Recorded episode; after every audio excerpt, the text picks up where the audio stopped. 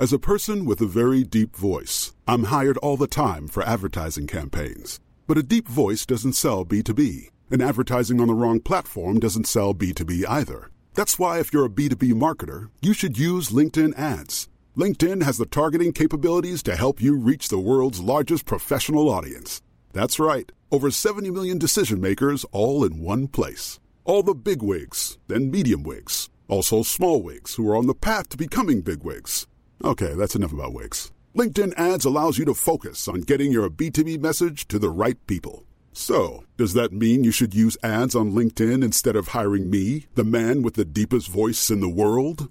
Yes. Yes, it does. Get started today and see why LinkedIn is the place to be to be. We'll even give you a $100 credit on your next campaign. Go to linkedin.com slash results to claim your credit. That's linkedin.com slash results. Terms and conditions apply. Hey, I'm Ryan Reynolds. Recently, I asked Mint Mobile's legal team if big wireless companies are allowed to raise prices due to inflation. They said yes. And then when I asked if raising prices technically violates those onerous two-year contracts, they said, what the f*** are you talking about, you insane Hollywood ass?" So to recap, we're cutting the price of Mint Unlimited from $30 a month to just $15 a month. Give it a try at mintmobile.com slash switch. $45 upfront for three months plus taxes and fees. Promo for new customers for limited time. Unlimited more than 40 gigabytes per month. Slows. Full terms at mintmobile.com.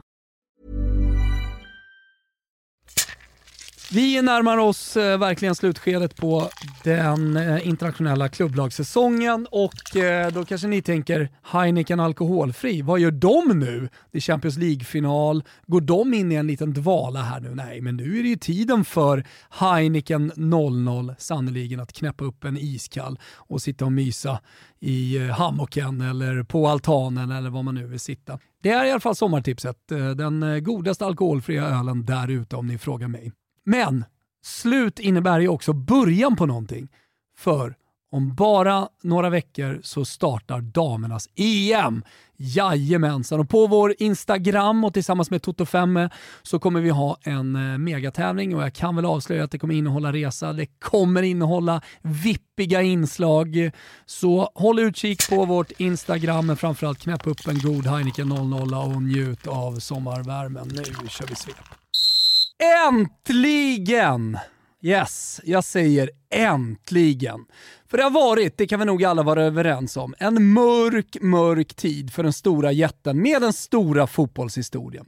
Ett av världens mest framgångsrika klubblag som försvann från allt som stavas titelstrider och som sedan dess kämpat och som sedan dess kämpat och satsat men aldrig riktigt lyckats. Men nu äntligen Guggis är det över! Nu kan laget med tröjorna röda som blod och Champions League och ligatitlar i mängder i det där pokalrummet äntligen vända blad.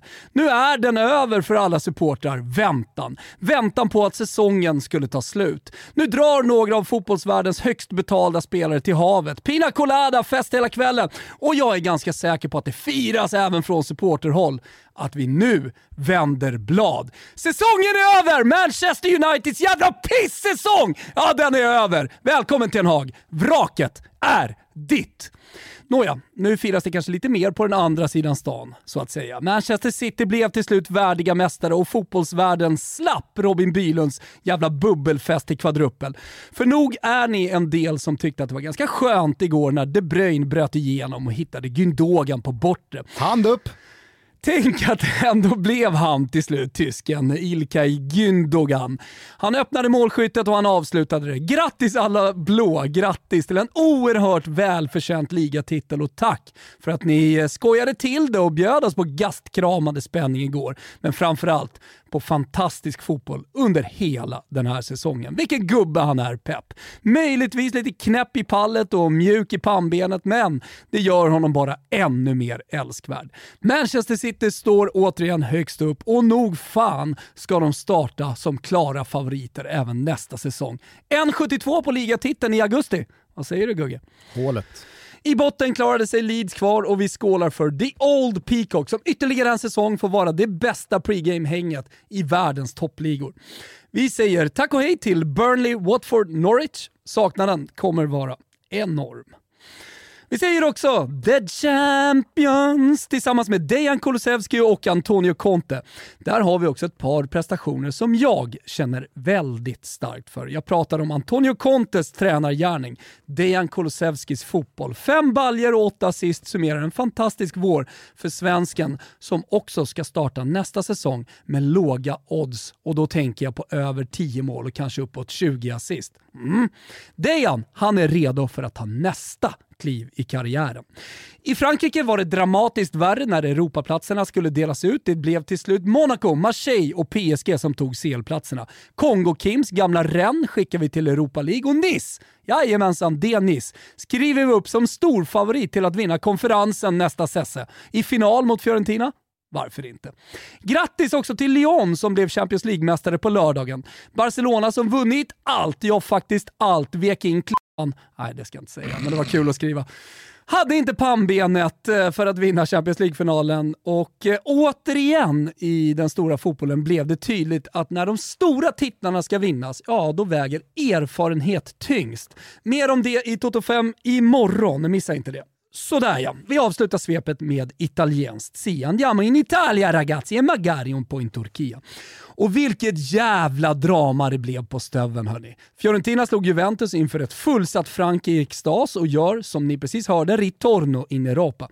Konferensen till Florens, Europa League till Rom och resten där i toppen vet ni ju redan om. I botten stod Salernitana för årets koreografi som innehöll musik och det var något i alla fall jag inte kan minnas att jag upplevt tidigare. Pampigt värre, men på planen var det dölefö för hela slanten när han gjorde slarvsynt av ett mentalt utpumpat Salernitana. Men det spelade ju faktiskt ingen roll eftersom Cagliari stod för en episk kollaps i Venedig. 0-0 där, basken av för Venezia och La Grande Fog är ett faktum. Så vad gör vi nu med Davide Nicola?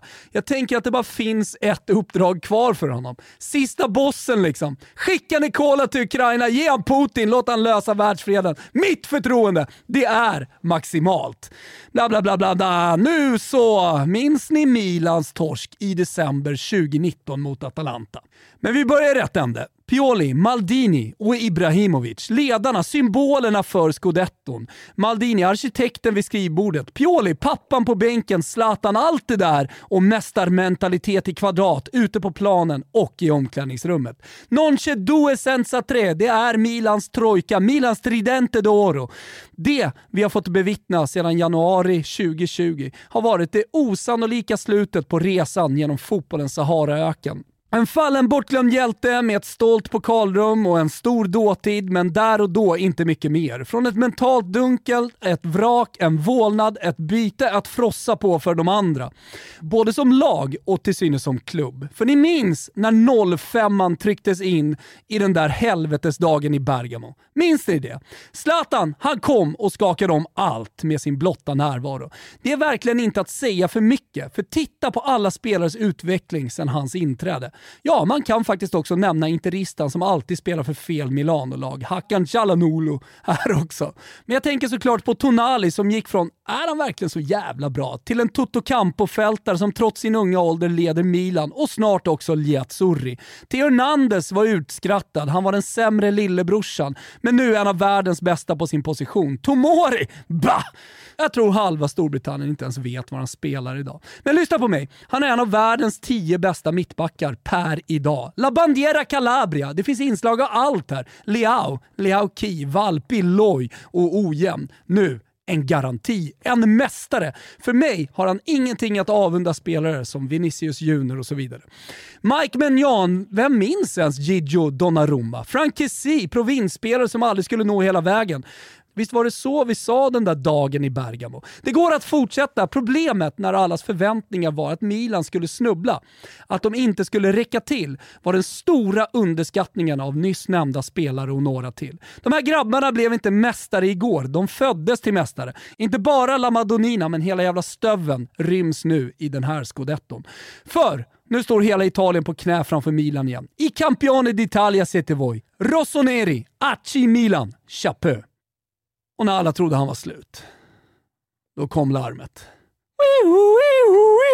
Fem baljer, minst ett episkt, 18 totalt i den turkiska superligan. Vilken italienare tar honom i sommar? Jag vet inte, jag vet ingenting. Jo, jag vet en sak. Jag älskar honom villkorslöst. Svetten rinner, hjärtat gör frivolter, det styvnar, det hårdnar, det bultar och bankar i brallan. När jag ser Super Mario Balotelli!